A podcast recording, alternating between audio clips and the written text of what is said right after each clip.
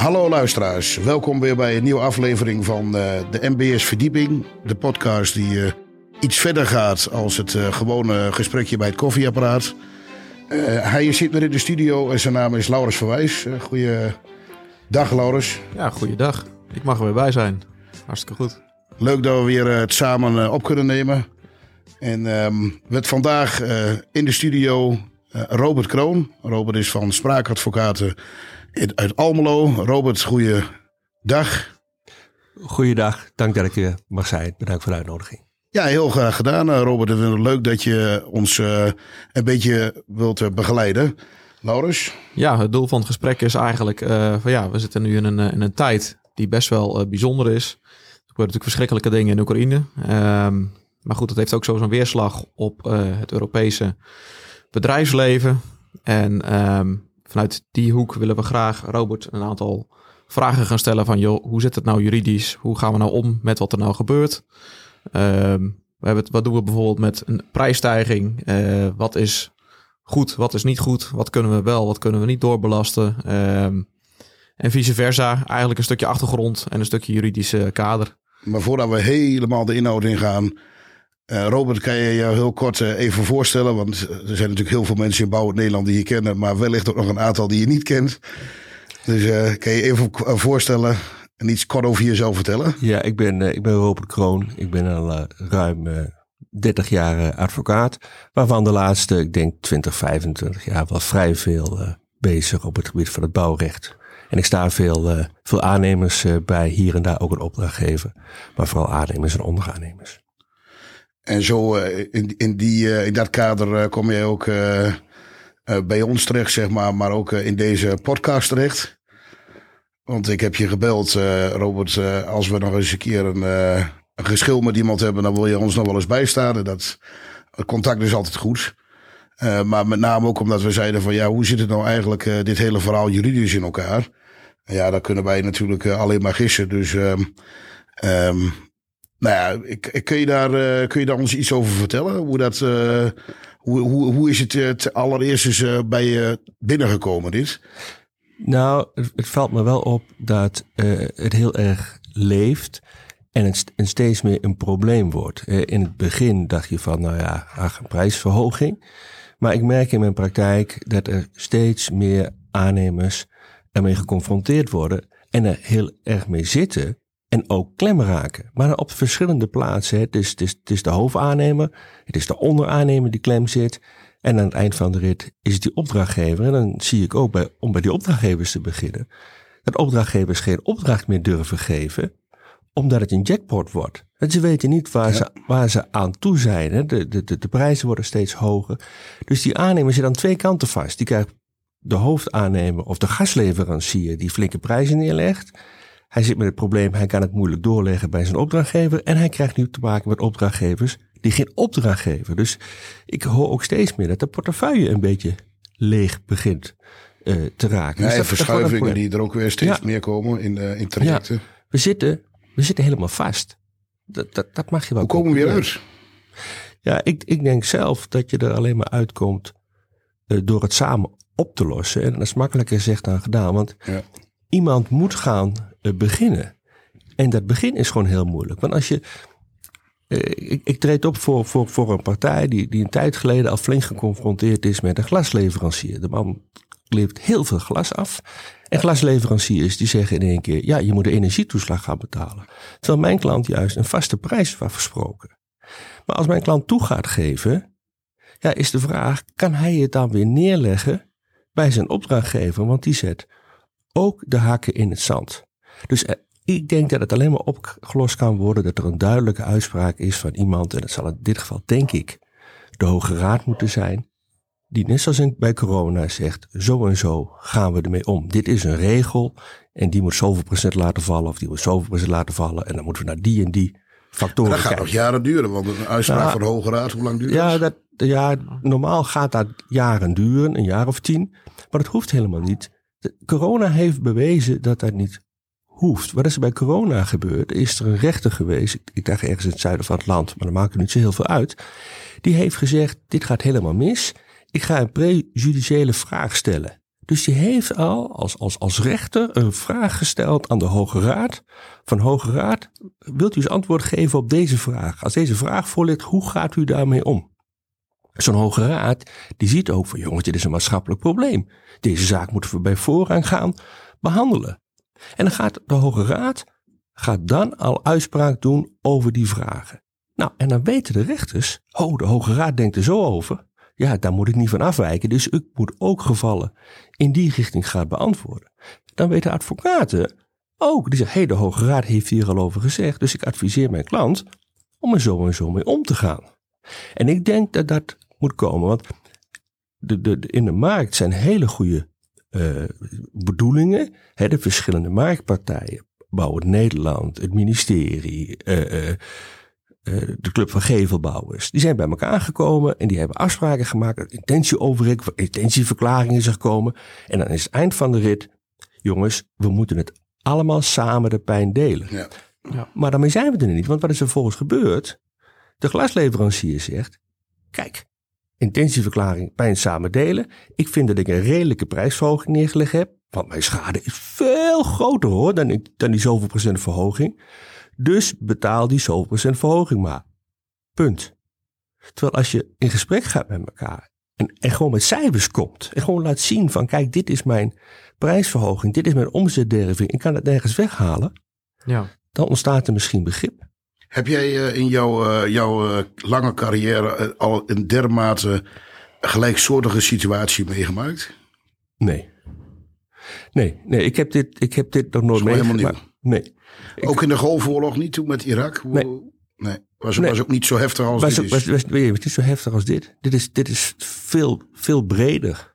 Hoe zie je dan, als er dan zo'n uitspraak voor zo'n hoge raad zou, zou komen, hoe, hoe, hoe, wat is dan jouw gevoel waarop dat eindigt?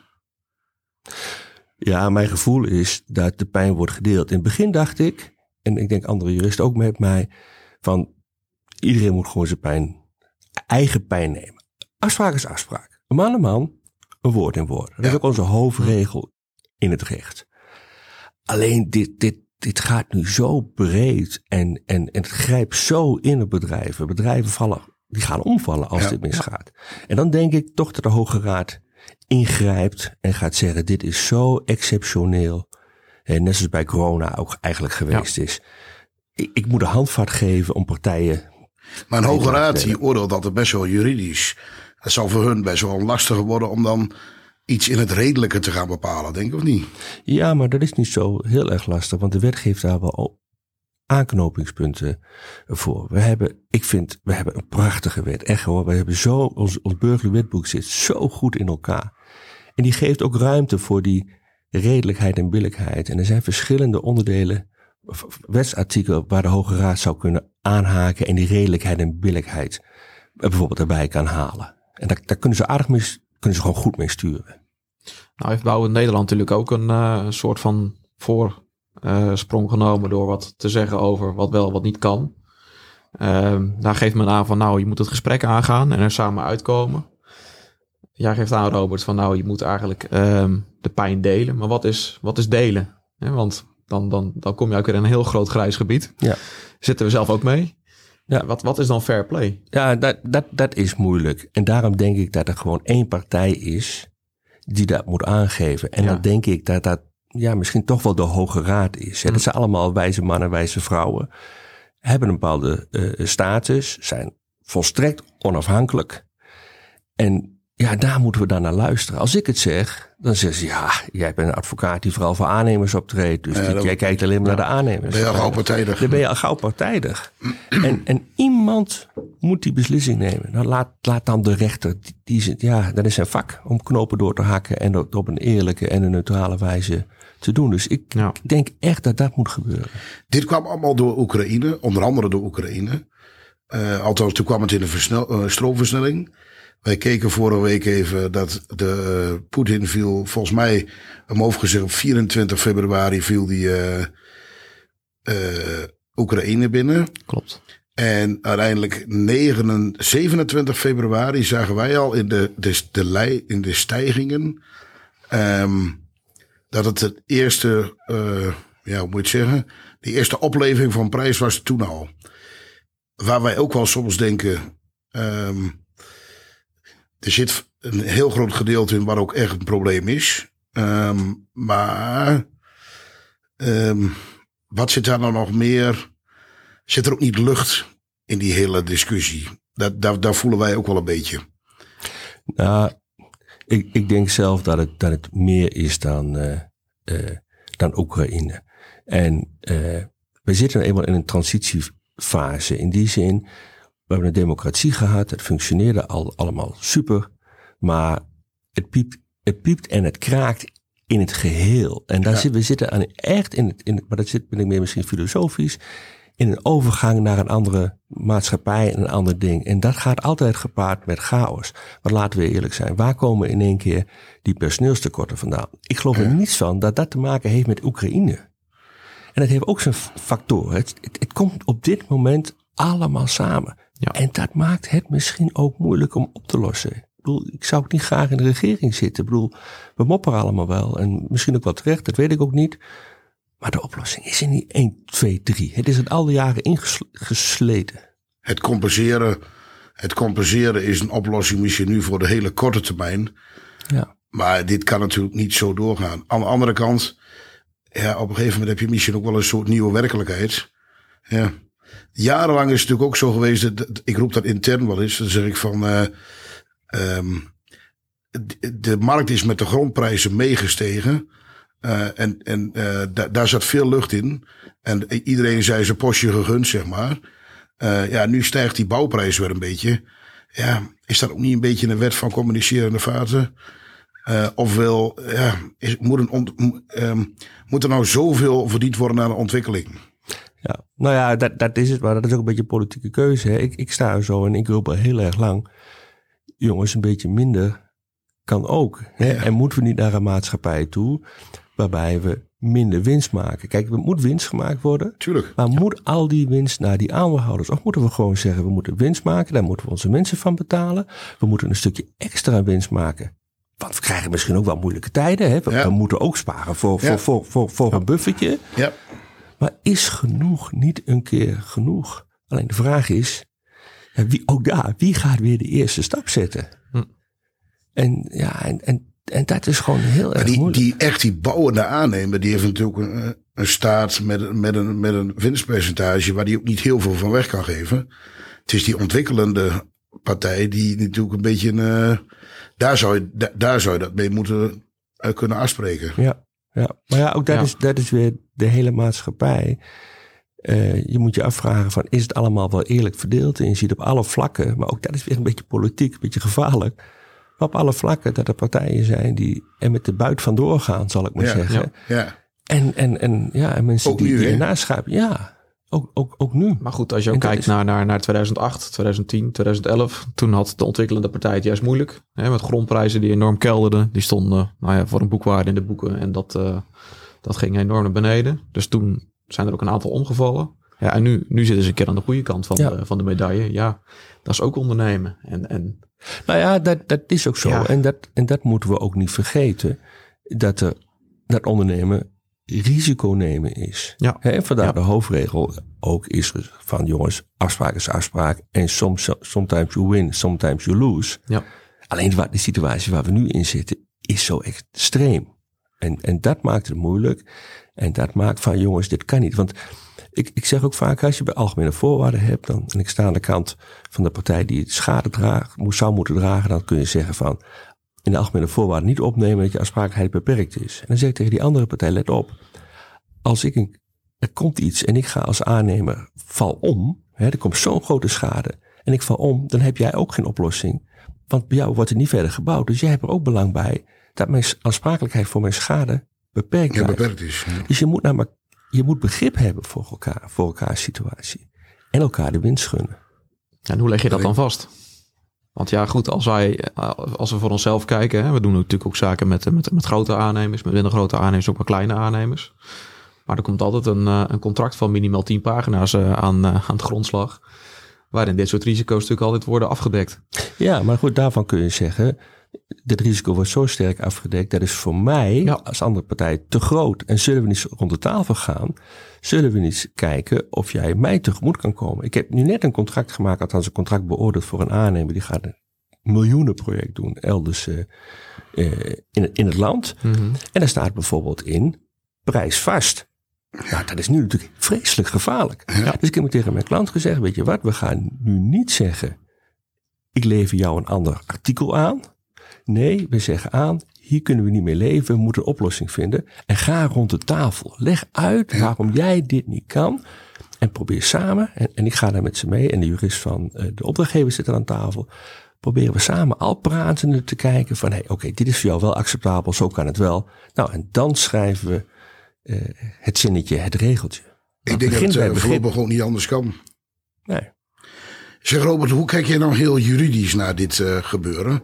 Kijk, stel je voor, ik, uh, ik, ik kom met iemand uh, in het onmin.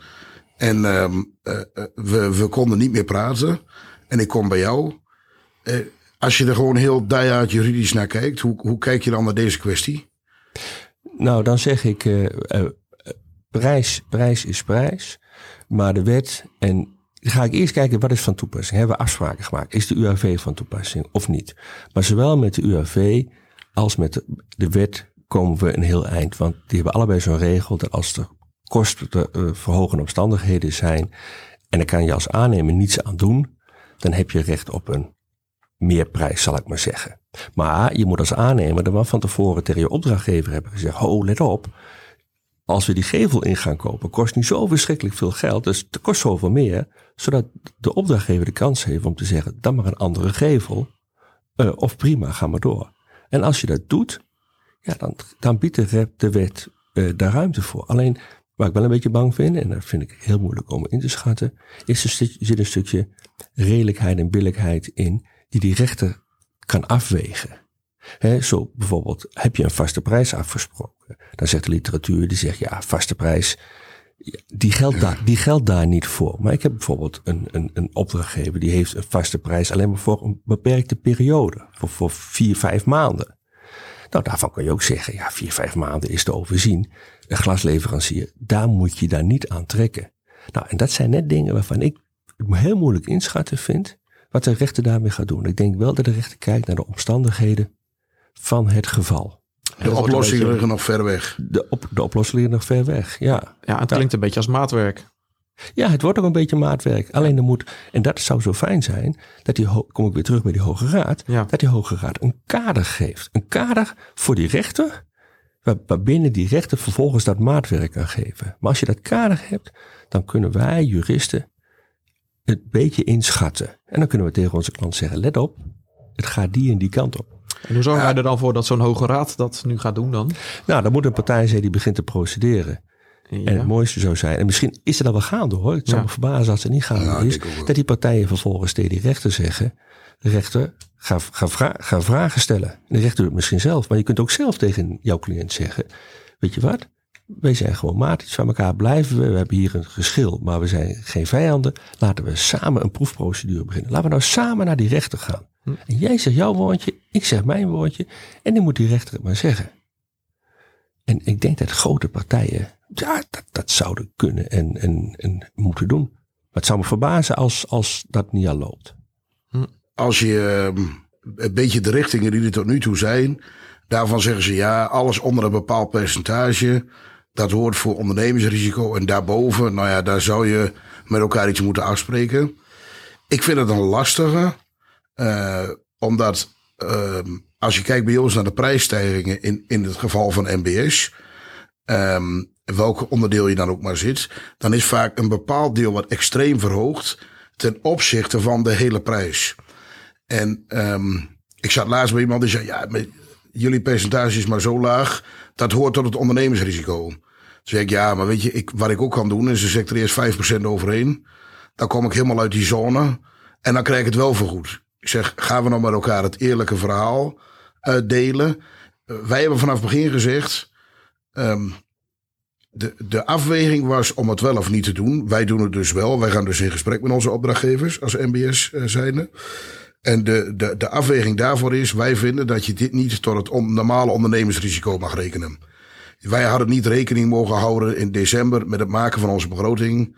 Dat Poetin 24 februari binnen zou vallen. Dat, dat niemand had kunnen voorzien. En, en wij vinden het daarom gerechtvaardigd, nu die prijzen zo stijgen, om met onze opdrachtgevers in gesprek te gaan. Ehm, alleen, ja, wij doen het wel op openheid en transparantie. Dus wij laten vrij detailistisch zien waar bij ons de pij zit. Het nadeel daarvan is, dat zei ik al, dan, dan kom je af en toe onder een bepaalde grens. Ja, maar daar gaan we niet vergoeden, wat is het ondernemersrisico? Maar ook al, heb je, al moet je 2 of 3 of 4 procent laten vallen, uh, dat zijn wel uh, over het algemeen de percentages die uh, moeten bijdragen aan het verdienmodel. Ja, ja dat, is, dat, is, dat is wel zo, Geert. Alleen als je met percentages gaat werken, blijft natuurlijk altijd arbitrair. En we moeten niet vergeten, er zit ook altijd een ondernemersrisico in. Tuurlijk. En ik, ik denk ook wel dat dat, dat, dat moet blijven. Ja. En, en daarom, hè, dan kom ik toch weer terug bij die Hoge Raad, er moet iemand zeggen van, dit is, dit is de lijn. Want welke lijn je ook stelt, hij is altijd arbitrair. Zo zit de wet ook in elkaar. De wet is, dat zijn keuzes. De wet is niet, het is niet een recht. Dat hebben we zelf verzonnen. We hebben, hebben gewoon regels afgesproken. Ja, en voor de een is dat pech. Valt het wat, wat, wat negatiever uit, wat slechter uit. En voor een ander wat voordeliger. Dus iemand moet dat kader geven. En daar moeten we ons dan aan houden. We zijn niet in staat om het zelf te doen. Daar geloof ik helemaal niets van. Alle, alle, goede, alle goede bedoelingen. Maar uiteindelijk kijken we naar onszelf. We willen zo weinig mogelijk betalen en we willen zoveel mogelijk verdienen. Heel graag een beetje, als het aan de ene kant regent, Robert, dan, uh, dan heb ik altijd graag dat bij ons iets druppelt. Ja. Dan, uh, dan zijn we er allemaal goed mee.